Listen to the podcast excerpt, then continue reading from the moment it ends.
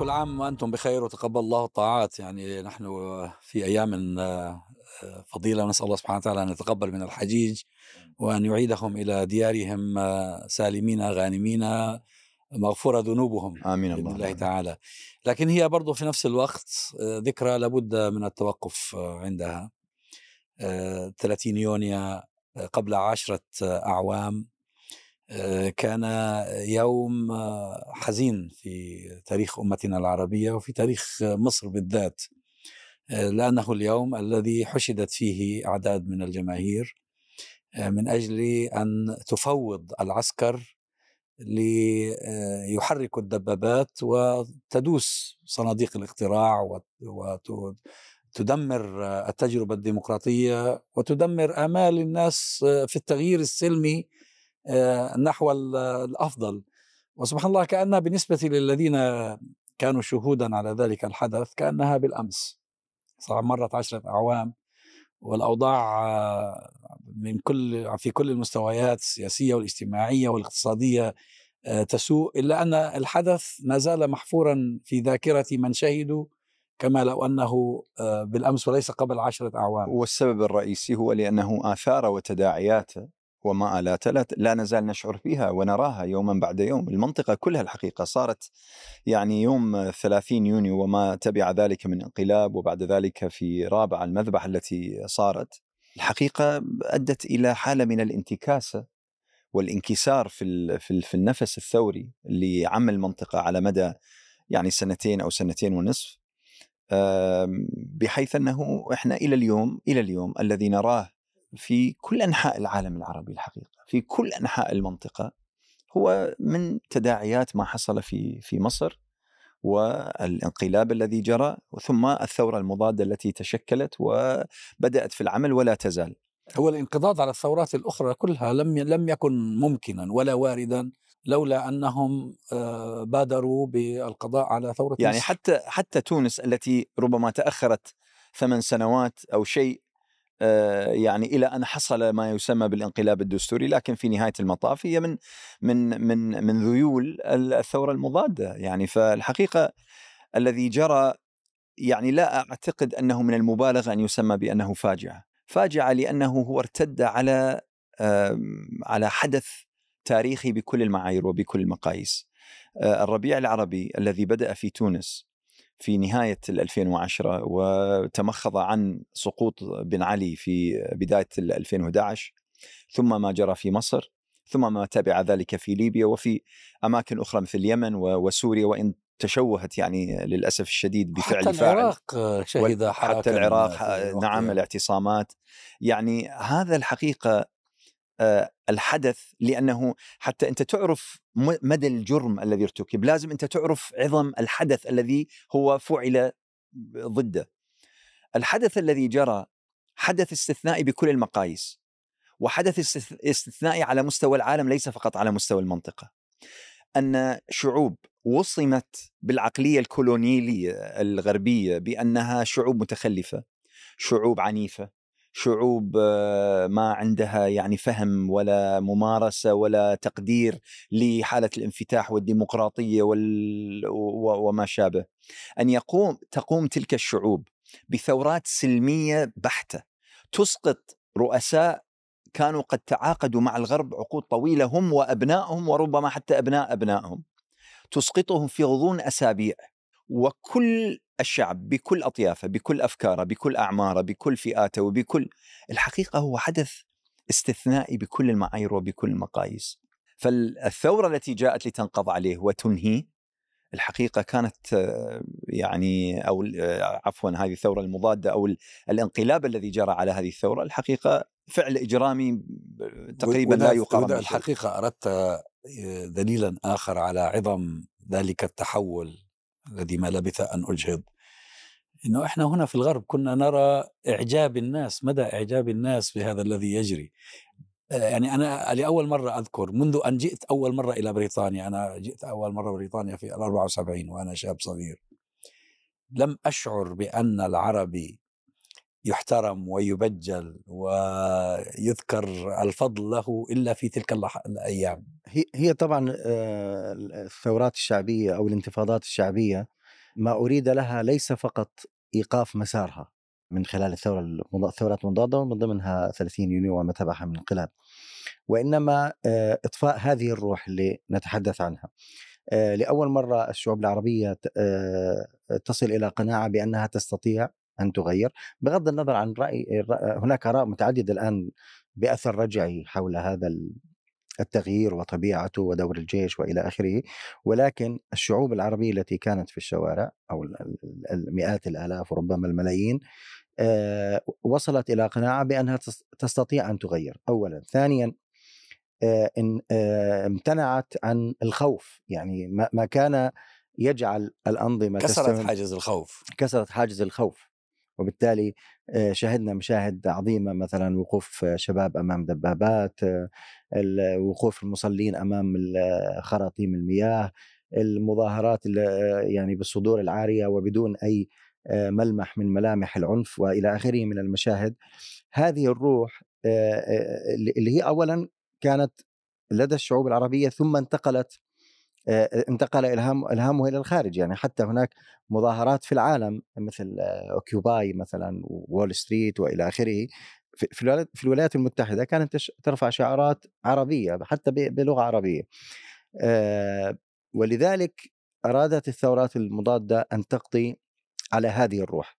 الآن ما يجري من القمع الذي خلفته هذه الثورات المضادة هو أيضا هدفه الرئيسي ليس منع بالمناسبة ليس منع يعني سقوط الأنظمة لأنه إلى حد كبير هم هي أنظمة مستقرة إلى حد كبير ولديها قدرة هائلة على القمع فلماذا يستمرون عملية التنكيل بالشخصيات والأحزاب والتيارات التي كانت جزءا من هذه الانتفاضات.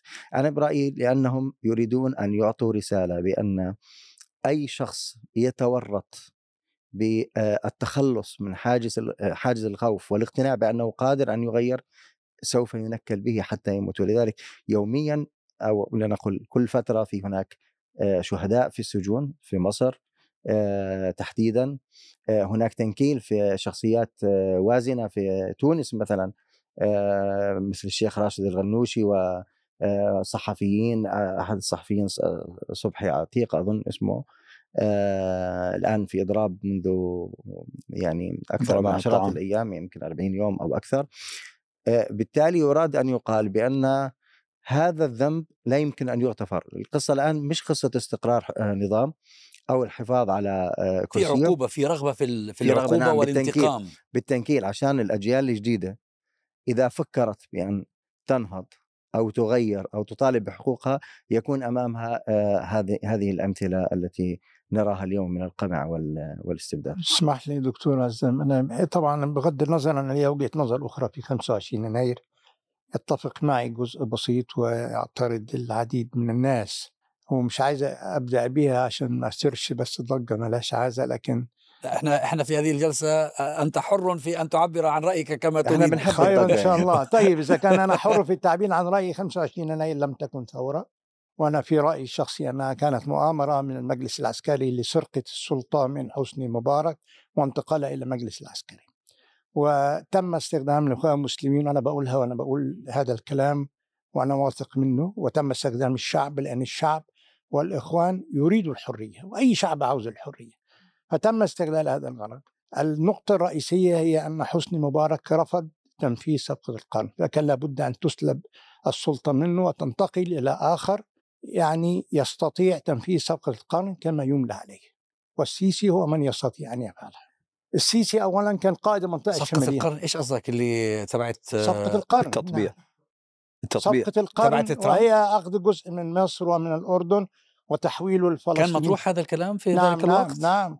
هذا الكلام والكلام ده قاله السيسي أمام ترامب في جلسة معلنة وقال له فخامتك إحنا لازم نعجل من تنفيذ صفقة القرن فالتاني ترامب بص له كده يعني قال له أنت غبي يعني الكلام ده لا يقال على في العالم كده أيوه بس صفقة القرن هي أصلا الفكرة جاءت في عهد ترامب يعني ما كانش موجودة أصلا. لا لا موضوع قديم موضوع قديم و... و...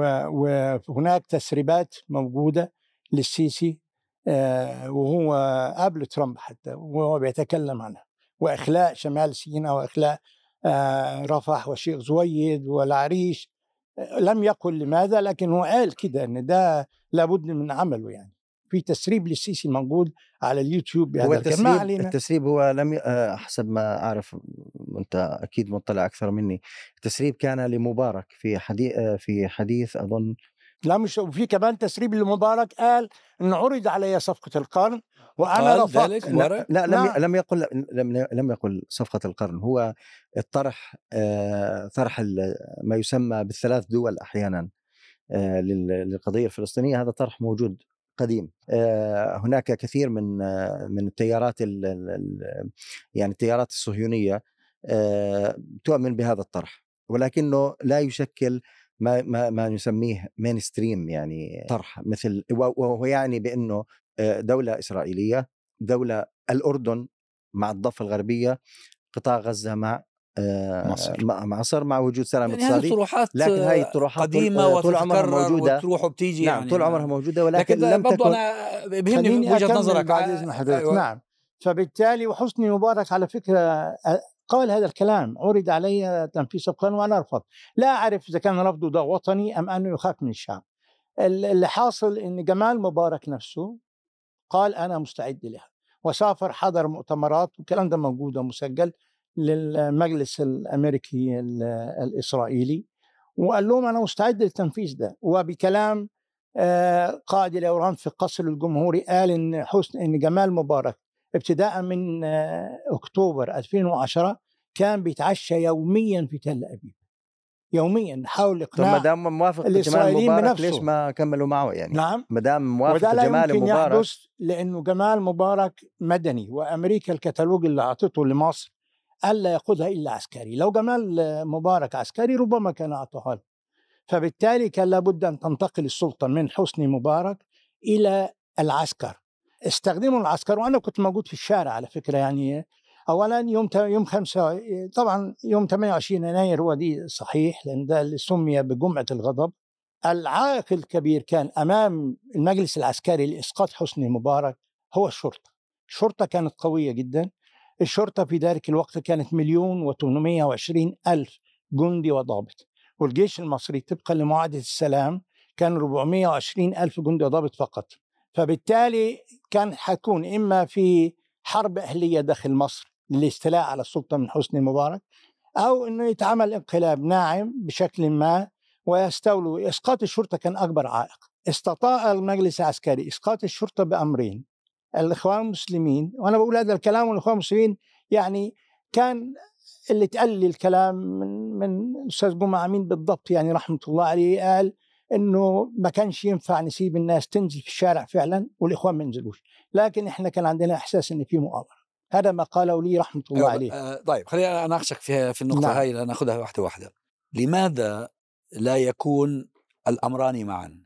طبعا آه، أنا لا أختلف معك ولا أختلف مع الذين يقولون إن الجيش كان يريد إسقاط حسني مبارك على الأقل حتى يمنع التوريث. يعني ما لا هو لا ما شائع؟ مش عايزين مدني نعم ما هو شائع. وعلى فكرة مش الأمريكان اللي مش عاوزين مدني، الأمريكان بالعكس كانوا يفضلوا رئيس مدني، الأمريكان طالما إنه مصالحهم ماشية ما يهمهمش عسكري ولا مدني، لكن هو الجيش يملك البلد، الجيش مش عاوز الأمور تفلت من من يديه. آه، فتوريث آه، جمال مبارك آه، لم يكن في صالح قيادات الجيش اللي هم ماسكين زمام الأمور. هذا لا ينفي إنه حصل ثورة، يعني لماذا إحنا آه، بسبب أن الجيش له خطة وله مطمح معين وله تطلعات معينة لماذا ننفي إنه حصلت ثورة؟ هو يحاول أن يسحب البساط من تحت حضرتك صبرت علي دقيقتين فقط. كنت الموضوع كان يبقى ظاهر وواضح. 28 يناير هي اليوم الفاصل. استطاع الإخوان أنهم ينزلوا من أسوان للسلوم يعني بطول مصر بالكامل. وبالتالي جيش الم... ال- الشرطة المصرية كانت ال- ال- المصرية فما ما أقوله تماما. لما كان الإخوان المسلمين يقوموا بمظاهرة في اسكندرية. جابوا لهم الأمن المركزي اللي في كفر الشيخ واسكندرية والبحيرة ومرسى مطروح. لما تقوم مظاهرة في القاهرة يجيبوا لهم الأمن المركزي بتاع القاهرة والشرقية والقليوبية وأحيانا عاشر من رمضان. لما لما تقوم في مصر كلها في نفس الوقت الأوامر أعطت كالآتي. كل محافظة تكفي نفسها وهي دي المعضلة. إن كل محافظة الأمن المركزي اللي هو القوات ال- المضادة للشغب يعني كل فبالتالي تم إسقاط الأمن المركزي أو الشرطة في خلال ست ساعات من الساعة 12 للساعة 6 انتهت. 6 بالدقيقة كانت كل ال- العربيات المجنزرة وال- والدبابات جاهزة في الشوارع مختوم عليها الجيش والشعب إيد واحدة ودايرة وموجودة في الشوارع. ستة بالدقيقة وأنا كنت موجود في الشارع. أولا لم تطلق رصاصة واحدة وأنا بقول هذا كلام مسؤول عنه على المتظاهرين إلا في حالات معدودة جدا ومستعد أفندهم. يعني كان حسني مبارك عنده أوامر بعدم إطلاق الرصاص. الذي أطلق يوم 28 يناير كان رصاص مطاطي وغاز مسيل للدموع. فقط الرصاص اللي أطلق كان بعض الضباط لما ال- البلطجية دخلوا على على أقسام الشرطة لتحرير آه، يعني زملائهم فاضطر إن الضابط أو العسكري إنه يدافع عن نفسه. فبالتالي قتل تقريبا ما بين 23 و 28 فقط يوم خ- 28 يناير. نقف عند النقطة دي الساعة 6 بالدقيقة كانت كل أقسام الشرطة وكل مقار أمن الدولة وكل ومحطة بس اللي موجودة في المقطم ومحطة تنصت على التليفونات في مصر الجديدة والمدينة الإعلان الإنتاجي في 6 أكتوبر و... وكل أقسام الشرطة في مصر محتلة بالجيش. ستة بالدقيقة.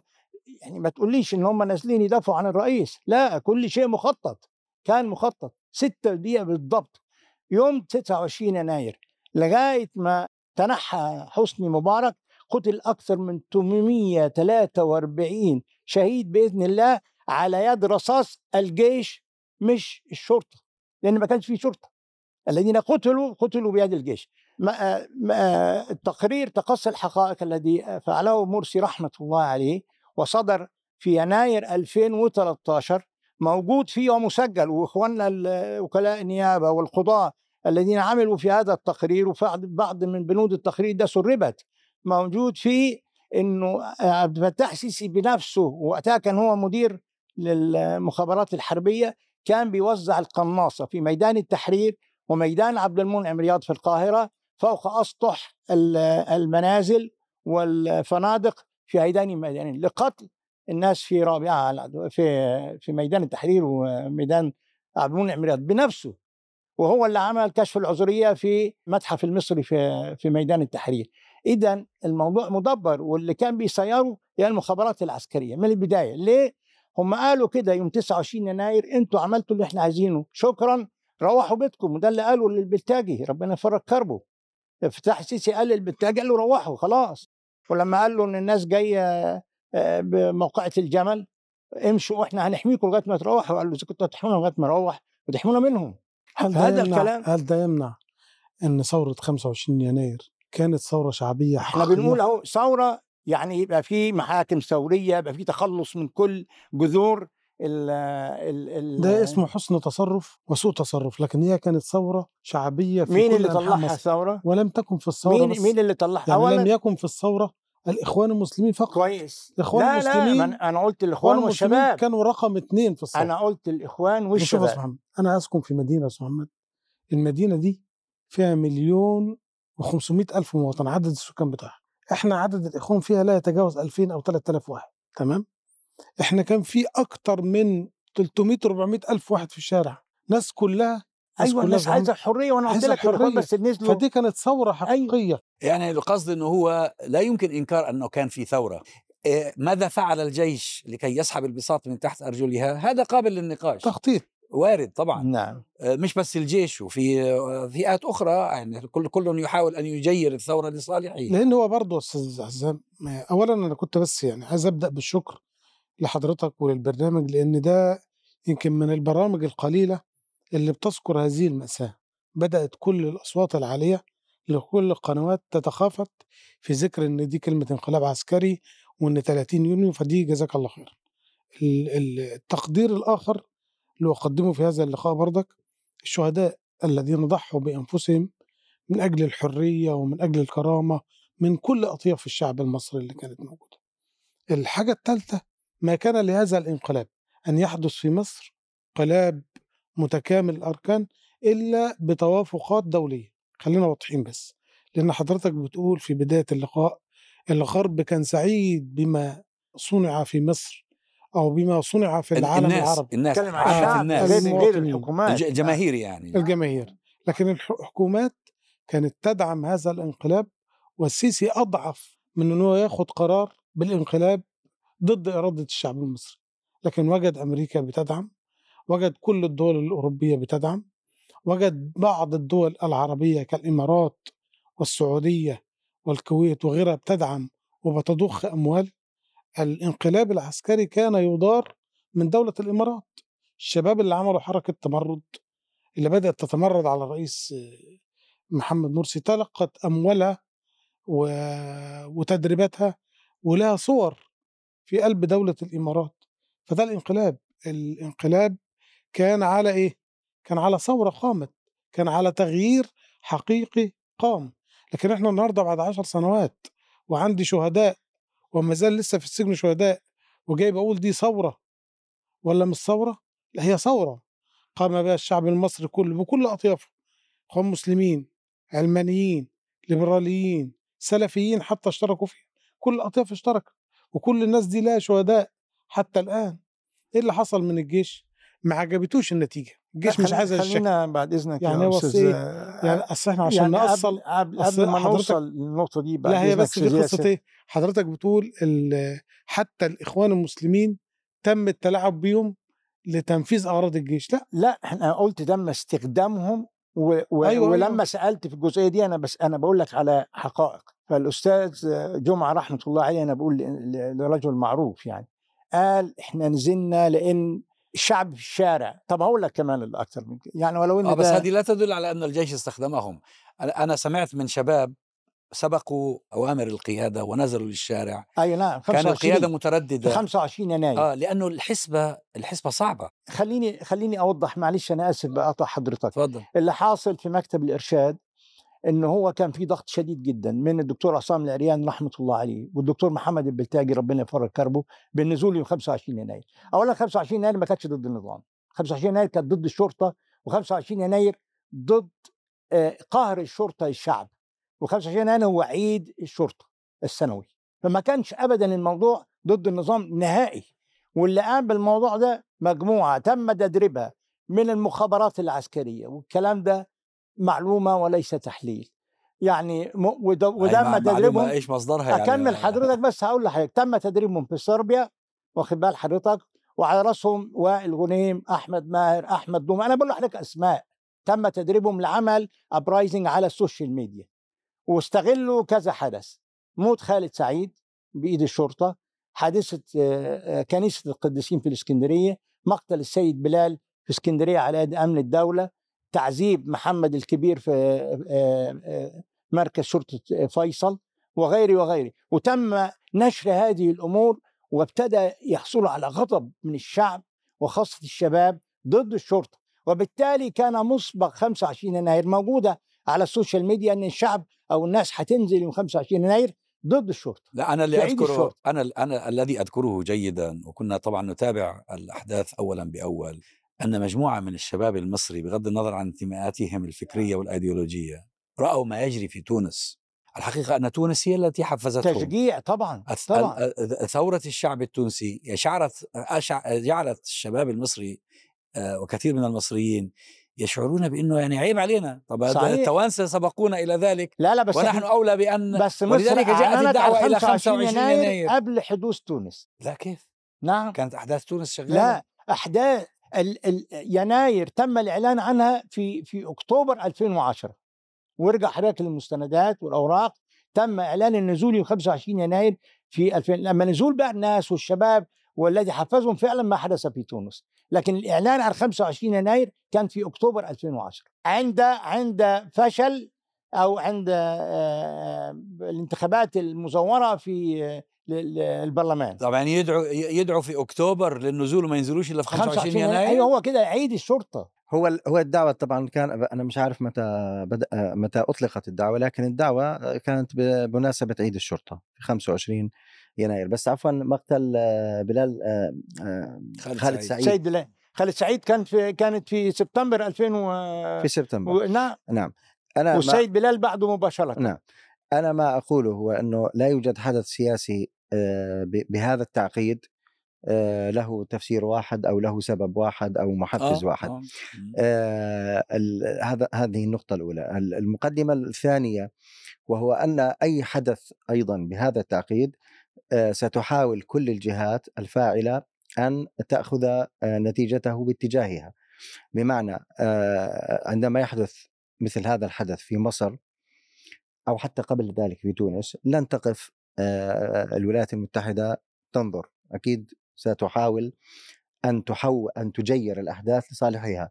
الجيش وهذا ما حدث. الجيش نعم الجيش له مشكلة مع التوريث.